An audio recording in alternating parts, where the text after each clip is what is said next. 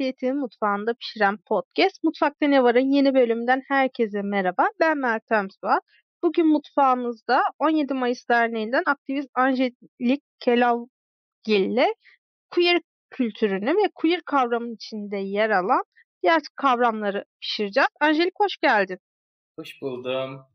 Öncelik, öncelikle senden kısaca bir queer teoriyi ve queer kavramını açıklamanı isteyebilir miyiz?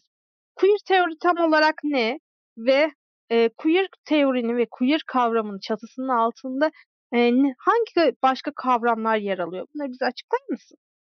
Tabii ki açıklamaya çalışırım. Çünkü hani queer'ı açıklayamaya çalışmak, onu bir tanımın içerisinde sabit bir şekilde kılma gayretinin kendisi aslında queer olmayan bir şeye dönüşüyor. Birçok kişi birçok bir biçimde, birçok deneyimde aslında bunu tanımlamak, yaşadığı ya da hissettiği şeyi anlatma gayretinde olabilir. Ben de biraz aslında kendi anladığım üzerinden anlatacağım. Doğal olarak baştan şeyi söylemek lazım. Hani bunlar biraz benim anladığım ve benim hayatımda deneyimlediğim şeyler üzerinden gidiyor. Bambaşka deneyimlerin de aynı şekilde açıklanabileceğini, farklı farklı kavramlaştırabileceğini aktarmak lazım diyerek aslında biraz queer'den bahsetmeye çalışayım ben kendimce. 1990'lardan günümüze böyle giderek genişleyen ve cinsellik, toplumsal cinsiyet, cinsel arzu ekseninde tartışmalar üreten, bu tartışmaları bu üç alanın dışına çıkaran, dışına çıkararak aslında sanata, topluma, hayatın her alanına geniş bir bakış açısıyla uygulamaya çalışan, bu anlamda değerlendiren, bu değerlendirmeleri üreten bu kuramsal bakışın kendisi aslında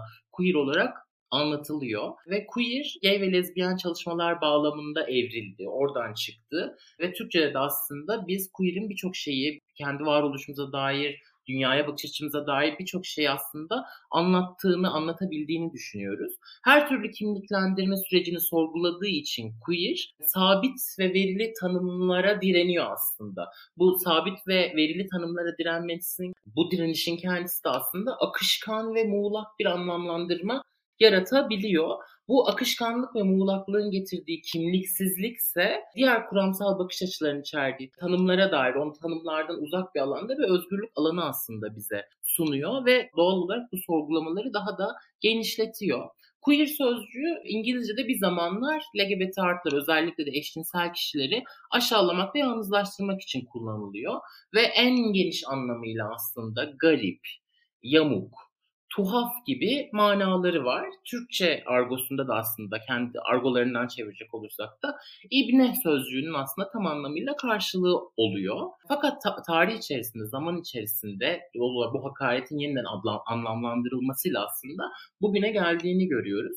Queer zaman içinde biraz da işte LGBT artı hareketinin kendi bağlamı içinde kültürel açıdan marjinal cinsellikleri olan kişilerin bu hakareti, bu aşağılama sözcüğünü, bu alaya alma sözcüğünü aslında bunların hepsine bir tepki olarak sahiplendiği ve olumsuz anlamlarına rağmen kendilerini tanımlamak için kullandıkları bir sözcük oluyor aslında. Bu hakareti, varoluşun bu hakarete dönüşmesini sahipleniyorlar ve kendilerini tanımlamak için kullanmaya başlıyorlar. Akış içinde ise özellikle 1990'larda daha geleneksel lezbiyen ve gay çalışmalarının içinden doğan yeni bir kuramsal bakış açısı olarak kendini gösteriyor ve queer kuram olarak da aslında adlan, adlandırılıyor bu kavramsallaştırma modeli ve herhangi bir sabit ya da verili kimlik kategorisini kabul etmediği ve kimlik gibi kategorik tanımların sabitliğine baştan karşı çıktığı için aslında hemen her alandaki tartışmaya konu olabiliyor ve özgün bir bakış açısı oluşturabiliyor. Queer teori, lezbiyen ve gay çalışmaları bağlamında ortaya atılmış ve postmodernizmle ilintilendirilebilecek en yakın zamanda akademik kurumsal yaklaşımlar arasındadır diyor. Queer Teori Bir Giriş adlı kitapta bunun bu şekilde aslında adlandırıldığını görüyoruz. Ve aynı zamanda aslında queer'a baktığımız zaman Türkiye'deki karşılığı üzerinden de biraz gitmeye çalışalım. Nasıl ki aslında Türkiye'de LGBT artıları aşağılamak için bir küfür olarak ibnenin kullanıldığını görüyoruz ve LGBT artı hareketinin bu aşağılama sözcü olarak kullanılan ibneyi alıp dönüştürüp velev ki ibneyiz diyerek aslında politikleştirmesi gibi bir süreç içerisinden geçtiğini ve yine queer'in, queer kuramın tüm bu kimlikleri, kategorileri kabul etmemesinden doğan özgür alanın aslında başta dediğimiz gibi sadece cinsellik, toplumsal cinsiyet, cinsel arzu gibi konuların dışına çıkmasına ve bu konuların dışına çıktığında da özellikle topluma, sanata baktığımızda bu karşı çıkışın çok geniş bir özgürlük alanı bıraktığını aslında söyleyebilirim. Biraz böyle bir şey dememiş gibi de oldum ama bu bir şey dememenin kendisinin de aslında çok queer bir yerde olduğunu tekrar söyleyebilirim. Queer kuramın bu tanımsal zorlukları var. Dediğim gibi ben de farkındaysanız dolan, dolandırıyorum, dönüştürüyorum, bir şeyler söylemeye çalışıyorum. Ama queer'in bu tanımlamakta zorlanmasının kendisinin queer bir şey olduğunu, queer kuramı sabitlemenin onun akışkan niteliğini katılaştıracağını ve bu katılaştırmaya da karşı çıkmanın gerektiğini. Çünkü katılaştırdığımız zaman queer'i bu tanımlarla katılaştırmaya başladığımız zaman, sabitleştirmeye başladığımız zaman yaptığımız eylemin kendisinin queer olmadığını tekrar tekrar aslında söylemek gerekiyor. Queer bu kromozomal cinsiyet, toplumsal cinsiyet ve cinsel arzu arasındaki sözde değişmez ancak tutarsızlıklarla örülmüş ilişkileri çarpıcı şekillerde ortaya koyan ifadeler ve analiz, ifadeler ile analitik modelleri tanımlamaktadır diyor. Yine Nota Bene yayınlarından çıkan Queer Teori Bir Giriş kitabında diyerek böyle bir hani ortaya karışık bir şey söylemeye çalışayım. Umarım queer bir e, akışta söyleyebilmişimdir bunu. Şimdi ben ancak queer teori alanını incelerken şunu fark ettim. Ya yurt dışında yaşayan LGBTİ artı aktivistler queer kavramını en az eril dişil ayrım kavramları kadar ayrımcı buluyorlar. Bunu sana soracağım. Bir de biz bugüne kadar hep LGBTİ denilince daha çok lezbiyenlerin, gaylerin, biseksüellerin ve transseksüellerin sorunlarına eğildik. Onları daha çok görüyoruz. Ama LGBTİ artı kavramın içerisinde non-binary'ler var, e-gender'lar var, bigender'lar var ve üçüncü cinsiyetçiler var. Kendilerini hiçbir cinsiyete ait görmeyen ya da birden fazla cinsiyete ait olarak görenler var. Hem öncelikle bu ayrımı sen nasıl yorumluyorsun onu soracağım. Hem de bu artın içindeki bu üçüncü cinsiyetçiler, e-gender'lar, bigender'lar özellikle bir gender mesela aynı anda hem eril hem de dişil olarak hissetme olarak tanımlanıyor. Ve bunun biseksüellikten farkı ne? Bunu açıklar mısın? Açıklamak için elinden geleni yaparım ama dediğim gibi tekrar bunların bu kişilerin varoluşu, deneyimleri ve bu deneyimleri performa ediş biçimleri üzerinden bir şeyler tanımlamaya çalıştığımız için ortaya nasıl bir tanım koyarsak koyalım illaki o deneyimlerin hepsini tanımlayabilecek güce sahip olduğunu düşünmüyorum.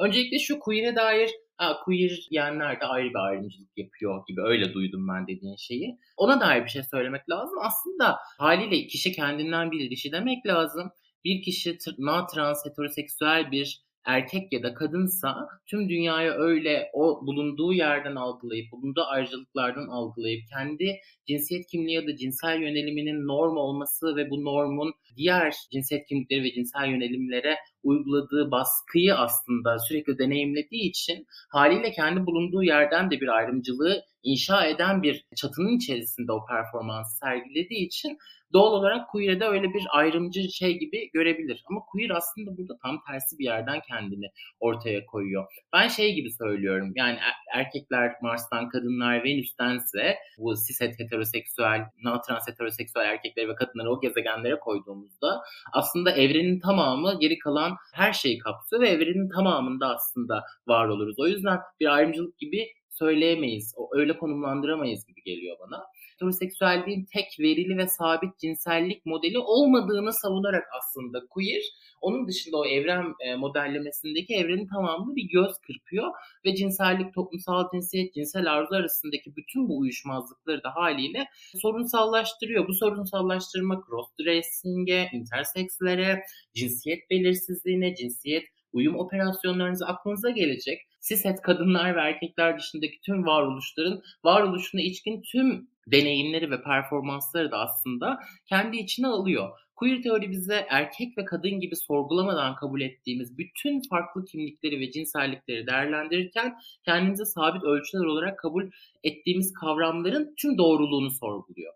Acaba cis olmak ya da heteroseksüel olmak. Bize biliyorsunuz heteronormativite, e, cis normativite bütün bu varoluşları sabit, doğal, normal olması gereken olarak kodlayarak bunun dışındaki tüm varoluşlara bir baskı ideolojisi olarak kendini var ediyor. O yüzden birincisi buna böyle bir cevap vermek lazım diyorum.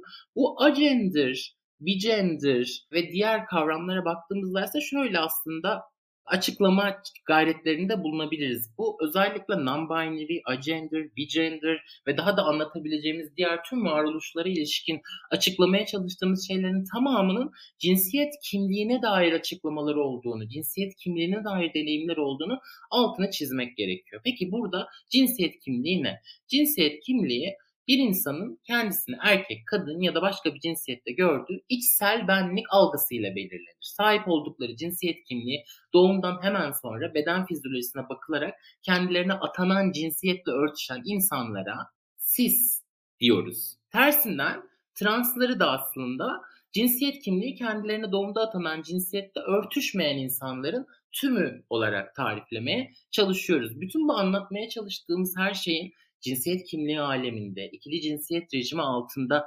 deneyimlendiğini de aslında belirtmek lazım. İkili cinsiyet dediğimiz anda da aslında belki bunu biraz açarak oralara doğru gidelim. İkili cinsiyet nedir? İkili cinsiyet kadın ve erkek olmak üzere iki cinsiyet bulunduğunu ve her bireyin bunlardan biri olduğunu kabul eden sorunlu bir düşünce biçimidir.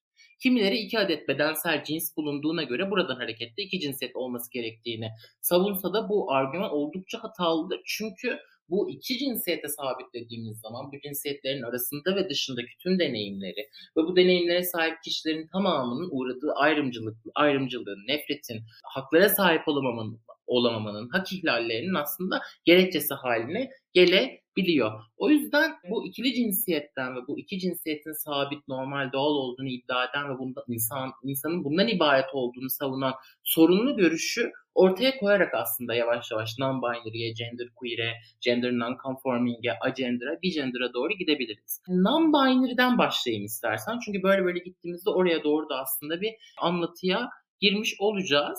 Non-binary'yi anlatırken aslında biraz agender gibi diğer terimleri de bir, bir noktada aslında açıklamış olacağız diyeyim. Non-binary cinsiyet kimliği salt kadın ya da salt erkek olarak tanımlanamayacak. Kimisine göre ikisinin arasında, kimisine göre ise ikisinin de dışında bir cinsiyet kimliğini deneyimleyen insanları tariflemek için kullanılan terimlerden sadece biridir.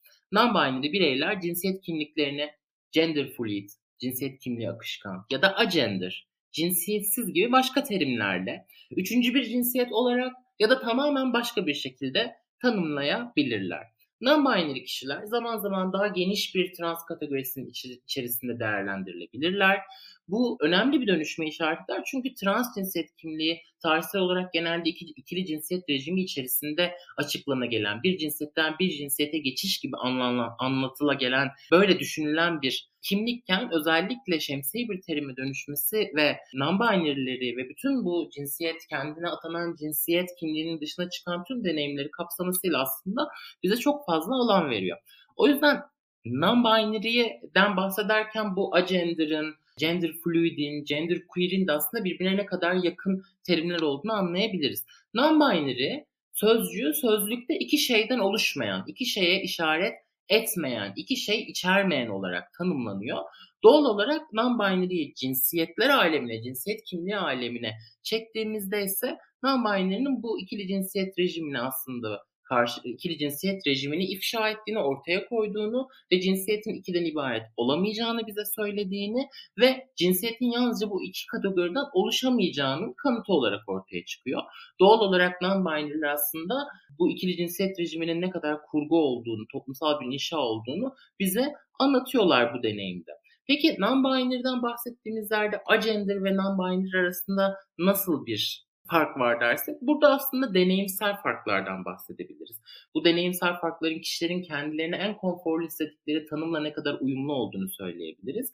Non-binary bize bu ikili cinsiyet rejiminin arası ya da dışında bir, bütün o cinsiyet kimliklerini ifade ederken agender ise doğrudan kişinin cinsiyetsiz olduğunu aslında bize anlatıyor ve bu cinsiyetsiz olma halini biz yine bu ikili cinsiyet rejimiyle ve bu ikili cinsiyet rejiminin aslında ayrımcı ideolojisinin, ayrımcı tahakkümünün altında kalan tüm o cinsiyet kimliklerine dair bir işaret olarak görebiliriz. agenderler için kendisini iki cinsiyete de ait hissetmeyen diyerek aslında bir anlatı, cinsiyeti olmayan kişiler olarak bir koyma gayretine girebiliriz ama baştaki o non-binary ile beraber düşündüğümüzde aslında kişilerin kendi cinsiyet kimliklerine dair performanslarını en konforlu, en kendilerini iyi hissettiren ve kendilerini en kapsamış bir şekilde hissettiren tanım neyse onunla tanımlamalarının da aslında her performansın, her deneyimin, her varoluşun o biricikliğini de anlatarak aslında buraları açabiliriz diye düşünüyorum. Bir gender'a geçtiğimizde ise bir gender'ın iki cinsiyet kimliğini birden deneyimlemeye dair bir kavram olduğunu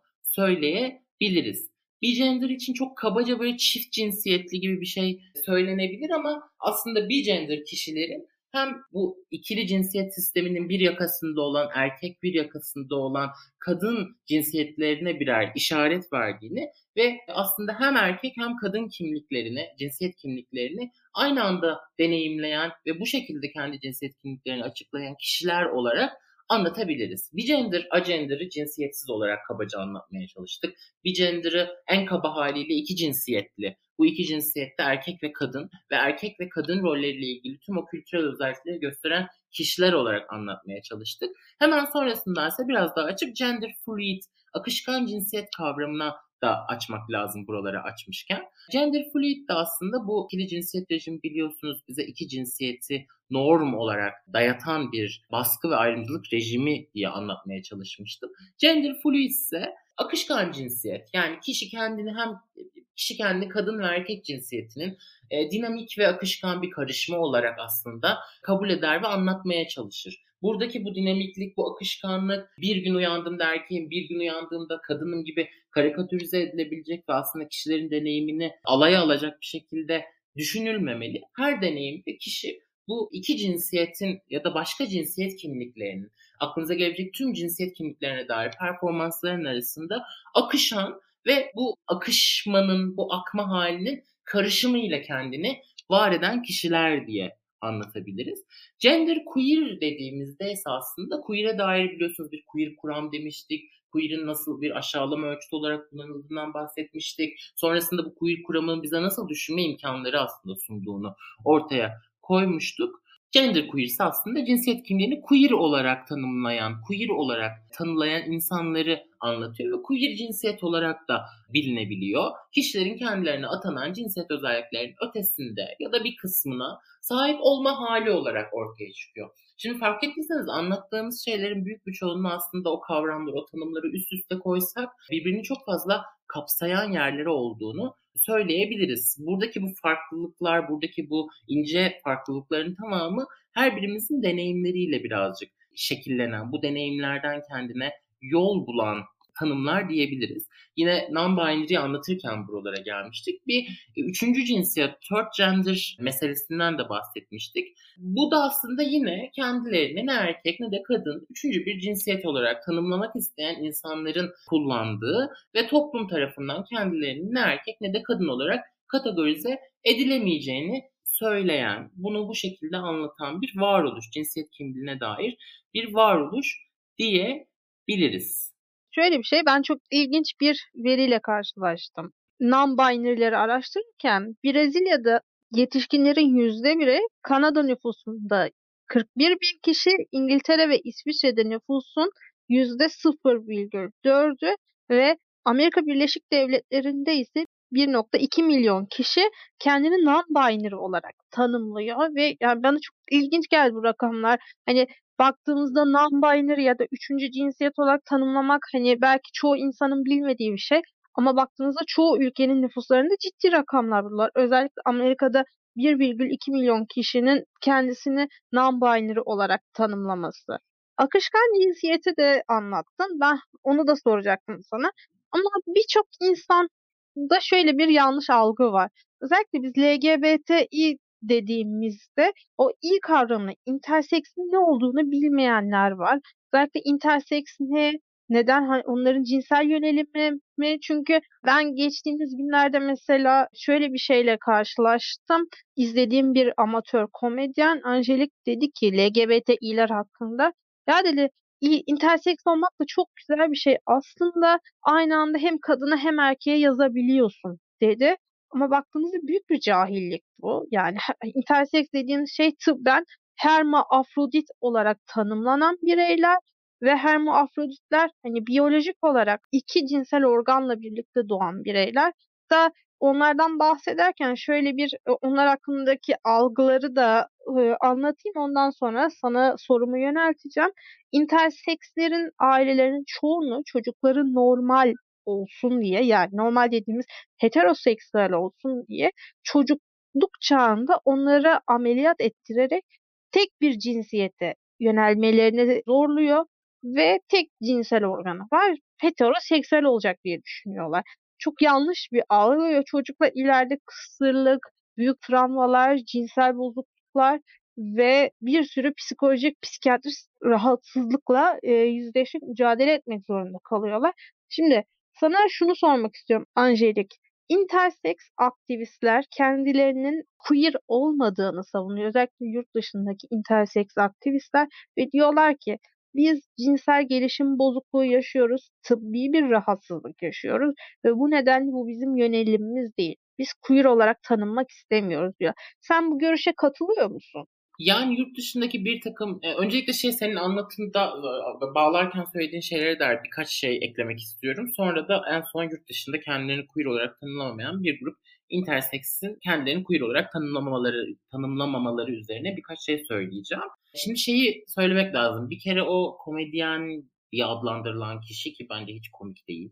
Yani insanların varoluşları üzerinden dalga geçmek, insanların varoluşlarına dair yanlış bilgiler üzerinden komedi yaptığını sanmanın kendisi en basit tabiriyle e, cahilliktir diyelim. Hani bugün bu podcast kaydında daha büyük laflar kullanmamaya çalışayım. Sonrasında da aslında intersex spektrumu anlamaya çalışırken yalnızca bize lise biyoloji bilgilerinde ki Türkiye'de eğitim müfredatını anlatılan bilginin ne kadar kaliteli olduğu, kaliteyi tırnak içerisinde aldım az önce, ne kadar kaliteli olduğu çok büyük tartışma. Ve bugün intersekslerden bahsederken bize lise biyolojisinde öğretilen ve yanlış bir şekilde öğretilen o kelimeyi kullanarak interseksleri anlatmaya çalışmak doğru değil. Interseksleri anlamak istiyorsak intersekslerden dinlememiz gerekiyor ve Türkiye'de aslında interseks hareketinin zaman içerisinde hızla geliştiğini ve intersekslerin insan hakları, intersekslerin uğradıkları ayrımcılık ve bunlara dair düşünmeye tüm hareketi ve tüm insanlığı davet ettiğini görüyoruz. Interseksler inter dayanışma olarak aslında örgütlendiler. interdayanışma.org adresinden internet dayanışmanın tüm çalışmalarını görebilirler. Hakeza yine intersekslerle ilgili daha fazla bilgi almak isteyen kişiler Kaos GL'nin YouTube kanalında 17 Mayıs Derneği'nin interseks çalışmaları koordinatörü Belgin'in bir eğitim videosu var. Onu izleyerek aslında oraya dahil olabilirler.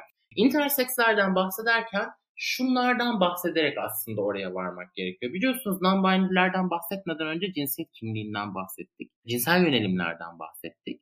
E, intersekslerden bahsettiğimiz yerde ise aslında cinsiyet karakteristiğinden bahsetmeye başlıyoruz. Ve cinsiyet karakteristiği dediğimiz şey cinsiyet kimlikleri, cinsel yönelimler, bütün bunları yer yer kesebilir, yer yer bunun üstüne çıkabilir ama aynı pota içerisinde ya da aynı şeyi anlatıyormuşuz gibi düşünülmemesi gerekiyor.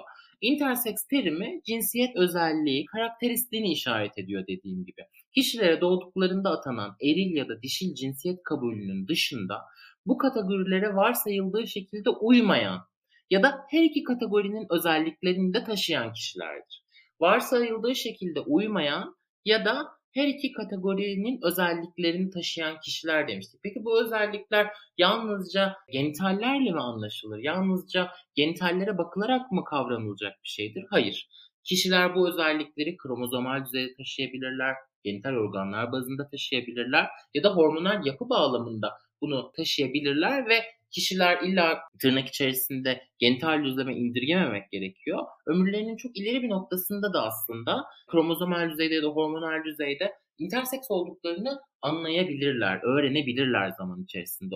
O yüzden interseksi yalnızca hem de bize lisede öğretilen o biyolojik bilgiyle, tanıyla, tanımlamayla açıklamamak, anlatmamak gerekir. Hem de interseks dediğimizde aklımıza yalnızca genitaller gelmemelidir. Interseks insanlar genital organlar, kromozom yapısı, gonatlar açısından tipik dişi ve erkek özelliklerini tam olarak göstermeyen cinsiyet karakteristiğiyle doğan insanlardır.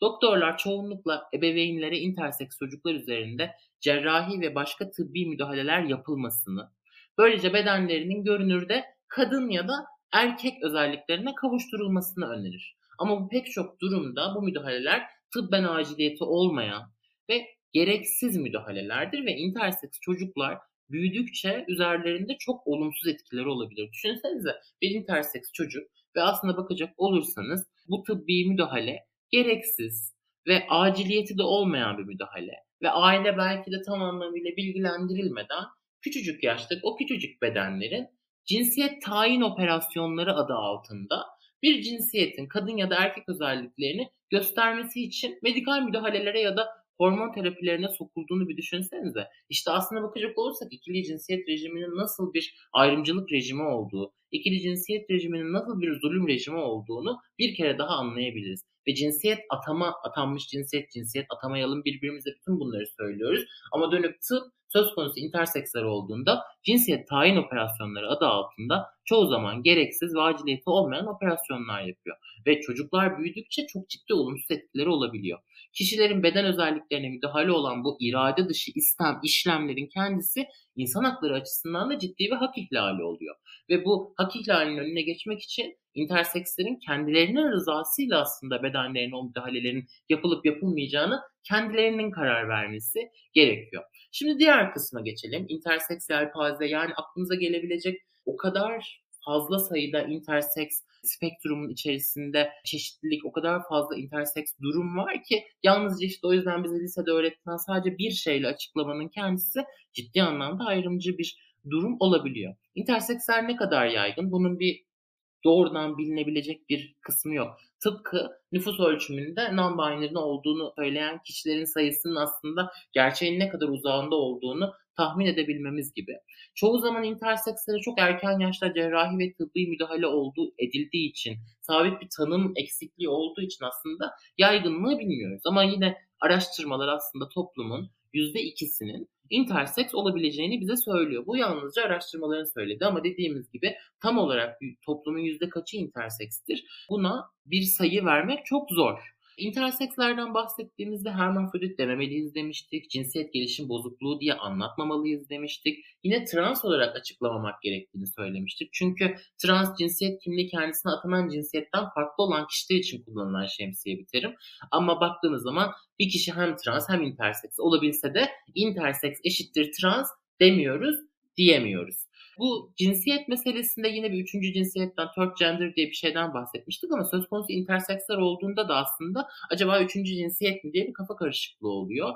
Hayır. Yani üçüncü cinsiyet olarak adlandıramayız. Interseks bir cinsiyet karakteristiğidir. Intersekslerin cinsiyet kimlikleri çok çeşitli olabilir. Intersekslerin cinsel yönelimleri çok çeşitli olabilir. Intersekslerin trans deneyimleri olabilir. Çünkü cinsiyet dediğimiz şey gerçekten binyayla ve tıp bebeklerin gerçek cinsiyetini nasıl belirleyebilir? Nasıl bunu ortaya koyabilir? Biz cinsiyetin kişinin kendini konforlu hissettiği ve kendini tanımladığı bir beyan üzerinden olması gerektiğini söylerken tıp daha bize doğduğumuz andan o cinsiyeti atayarak intersekslere de cinsiyet tayin operasyonları yaparak ikili cinsiyet sisteminin zulmü bizlerin bedenleri üzerinde aslında deneyimlemektedir, yeniden denemektedir diyelim. Yurt dışındaki interseks aktivistlerin queer olmadığını söylemesi kadar tırnak içerisinde normal bir şey yok. Çünkü başta da dediğimiz gibi intersekslerin çok çeşitli cinsiyet kimlikleri olabilir, çok çeşitli cinsel yönelimleri olabilir, trans deneyimleri olabilir. Tüm bunların dışında farklı deneyimleri olabilir. Hem queer hem interseks olan kişiler olabileceği gibi queer olmayan interseks kişiler de olabilir. Çünkü bu cinsiyet karakteristiğine dair işaret eden bir şeydir. O yüzden kendilerinin queer olmadığını söyleyen interseks bireyler var mıdır? Vardır. Queer olan interseks bireyler var mıdır? Vardır. Burada şöyle bir araya gireyim. Hani sen dedin ya net bir veri yok diye. Ben Uluslararası Af Örgütü'nün sitesine baktığımda orada intersekslerle ilgili bir liste var. Doğru bilinen 5 yanlış diye. Dünya nüfusunun %1'i Uluslararası Af Örgütü'ne göre 1,7'si interseks olarak doğuyor. Bu aynı zamanda dünya üzerinde kızıl saçlı olarak doğan insanlara ve ambidextri olarak doğan insanlara da oranıyla aynı. Hani burada çoğu insan şeyi de bilmiyor olabilir. Ambidextri ne ya? O da bir yönelim mi diye. Ambidextri de şöyle açıklayayım. Kendim de öyle olduğum için. Aynı anda hem sağ elini hem sol elini hem sağ ayağını hem sol ayağını dengeli bir şekilde kullanabilen ve sağlak ya da solak olamayan insanlara ambidextre diyor. Bu intersekslerin oranıyla aynı. Ben yavaş yavaş buna doğru gelirken şimdi biliyorsun artık günümüzde LGBTİ demiyoruz. LGBTİQA artı diyoruz. Ve bu A kavramı da aseksüelizmi temsil ediyor. Bize çok kısaca aseksüelin ne olduğunu ve aseksüel olmak için hani insan kendi mi karar veriyor yoksa tamamen doğuştan bir cinsel çekim eksikliği mi yaşıyor bu bireyler? Onu açıklayabilir misin? Yine elimden geleni yaparım ama tabii bu bütün açıklamaya çalıştığımız şeyler mesela interseks üzerine konuştuk. Belgin intersekslerin yaşadığı hak ihlalleri ve interseks nedir sorusuna sadece bir videoda mesela 40 dakika boyunca anlattı. Non-binary'ler üzerine bir sürü kitapçık, broşür internette araştırıldığında bulunabilir. Yine Kaos GL'nin web sitesinde bulunabilir. Bütün bu cinsiyet kimlikleri, cinsel yönelimler, cinsiyet karakteristiği, cinsiyet ifadesi her bir deneyimin içerisinde saatlerce konuşabiliriz. Başta queer'i tanımlama gayretine soktuk kendimizi. Queer üzerine bir e, herhangi bir araştırma yaptığınızda yüzlerce kitap olduğunu görebilirsiniz. Tıpkı birazdan aseksüellere dair konuşacağımız gibi. Aseksüel genel olarak cinsel çekim ya da bir başkasıyla gerçekleştirilecek cinsel pratiklere dönük arzu duymayan kişileri tarif etmek için kullanılan şemsiye bir terimdir. Eğer LGBT artıların varoluşlarına dair düşünmeye başladığınızda, buna dair okumaya başladığınızda, derinleşmeye başladığınızda neredeyse birçok terimi şemsiye olduğunu göreceksiniz. Çünkü gerçekten cinsiyet dünyayla, gerçekten her bir cinsiyet kimliğine dair deneyim, her bir cinsel yönelime dair deneyim kişinin kendi biricikliğinde, kendi performansında ve kendi deneyiminde sonsuz bir biriciklik taşıyor. Tekrar o biriciği tekrar edeyim. Biriciklik taşıyor ve bu biricikliklerin içerisinde bir şey anlatmak gerçekten zor olabiliyor. Yine aseksüelliğe döndüğümüzde, bu şemsiye bir terim olan aseksüelliğe döndüğümüzde aseksüellik cinsel çekimin değişkenlik göstermesiyle sadece belirli koşul ve durumlarda, normatif olmayan biçimlerde vesaire veya böyle bir çekim olmamasıyla tanımlanan çok geniş bir spektrumdur. Değişen ölçülerde cinsel çekim hisseden ancak bunun için önce duygusal ve romantik bir bağ kurmaya ihtiyaç duyan kişileri tarifleyen demiseksüel, kimi durumlarda ya da zaman zaman cinsel çekim hisseden kişileri tarifleyen gri aseksüel gibi kavramların tamamını içeren bir kavram olarak ace İngilizce'de ace diye yazılıyor, kullanılmaktadır. Türkçe literatürde de as olarak kullanılmaya başlamıştır. Yine aseksüellere dair daha çok düşünmek, daha çok öğrenmek e, ya da kendi aseksüel deneyimine dair soruları olan insanların Karoas Art, Karoas artı Instagram hesaplarından, Google'dan tarayarak bulabilirler ve aseksüel örgütlenmesidir. Oradan e, birçok şey öğrenebilirler. Yine aseksüelden bahsederken aromantikten de bahsedelim. Herhangi bir cinsiyetten kişilere romantik çekim hissetmeyen kişi olarak aromantiği aslında şey yapabiliriz, açıklayabiliriz. Bunlardan bahsederken Yine aromantiğin de aslında bir şemsiye terimi olduğunu ve çok fazla anlatıya sahip olabildiğini, çok fazla deneyime sahip olabildiğini söyleyebiliriz. Aseksüelden ve aromantikten bahsettiğimiz yerde aloseksizm ve amotoseksizmden de bahsetmek gerekir. Aloseksizm nedir? Cinsel çekim duymayı bir norm olarak inşa ederek toplumsal hayatı tüm insanların başkalarına karşı cinsel çekim duyacağı varsayımıyla düzenleyen bir ayrımcılık ideolojisidir. Aloseksizm, aloseksizm aseksüelleri yok sayar ve onlara dair ayrımcılığı inşa eder diyelim. Amotoseksizmde ise romantik çekim duymayı bir norm olarak inşa eden, toplumsal hayatı tüm insanların başkalarına karşı romantik çekim duyacağı varsayımıyla düzenleyen ayrımcılık ideolojisi olarak karşımıza çıkar. Amotoseksizmde aromantik insanlara dönük bunu kurgular. Sözleri tamamlarken monoseksizmin, aloseksizmin, amotoseksizmin, sisseksizmin, heteroseksizmin tüm bu ayrımcılık ideolojilerin bizlerin varoluşuna karşı konumlandığını, bizleri bu toplumun dışına itmeye çalıştığını ve bizlere dönük nefreti tırnak içerisinde söylüyorum meşru kılmaya çalıştığını, bunların ayrımcılık ideolojisi olduğunu ve bu ayrımcılık ideolojisine karşı tüm cinsiyet kimliklerinden, yönelimlerinden, karakteristiklerinden, ifadelerinden herkesin bir arada olması ve özgürlüğü bu ayrımcılık ideolojilerine karşı konumlanarak, örgütlenerek aslında kazanabileceğimizi hatırlatmak isterim. Peki Diğer kavramları da başka bir bölümde seninle uzun uzun tartışabiliriz. O kadar çok kavram var ki queer teorinin içinde. Gerçekten hepsi dediğin gibi dakikalarca, saatlerce tartışılabilecek kavramlar. Ama ne yazık ki bu bölümümüzde sadece insanların kafasındaki o doğru bilinen yanlışları ve bilinmeyenleri aydınlatmış olalım. E, çok teşekkür ederim Angelik konuk olduğun için. Çok keyifli bir sohbet oldu.